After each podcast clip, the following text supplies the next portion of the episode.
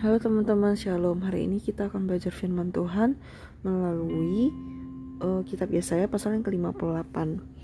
Di ayat yang ketiga dikatakan, "Mengapa kami berpuasa dan engkau tidak memperhatikannya juga? Mengapa kami merendahkan diri dan engkau tidak mengindahkannya juga?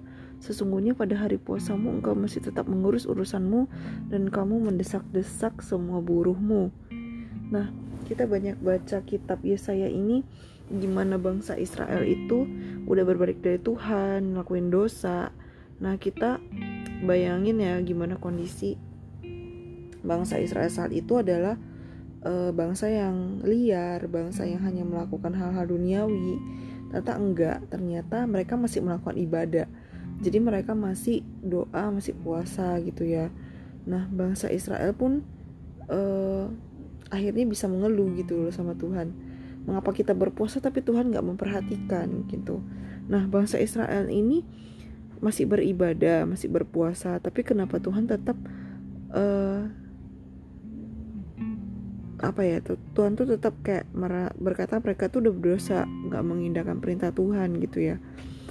Nah teman-teman kita mungkin juga pernah ngerasain ya gimana kita udah melayani terus selalu doa selalu baca kitab selalu memuji. Tapi kok doa nggak nggak pernah Tuhan kabulin ya misalkan. Kenapa ya pemulihan nggak pernah terjadi? Kenapa ya perlindungan Tuhan nggak pernah saya rasakan? Nah terus di pasal ini tuh uh, Tuhan menyadarkan makna ibadah dan kesalahan yang sesungguhnya teman-teman. Jadi ibadah itu bukan sekedar berkumpul di gereja memuji Tuhan dengar firman.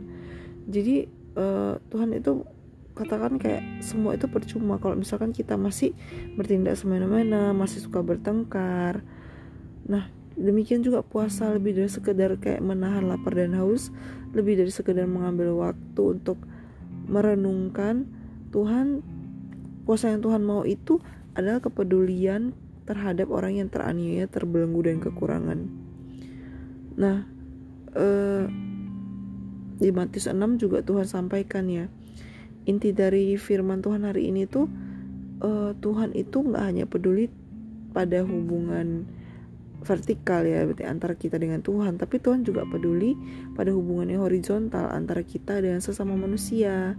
Jadi dua-duanya itu nggak boleh jalan sendiri-sendiri berkaitan gitu ya. Jadi jangan berpikir uh, kalau misalnya kita rajin dalam kegiatan rohani ya udah males aja dalam pekerjaan jasmani gitu ya. Nah atau kita mengira asal udah melayani Tuhan terus kita nggak perlu melayani orang tua lagi. Atau asal kita udah memberi uh, kepada gereja ya udah kita pelit aja sama uh, karyawan atau orang lain.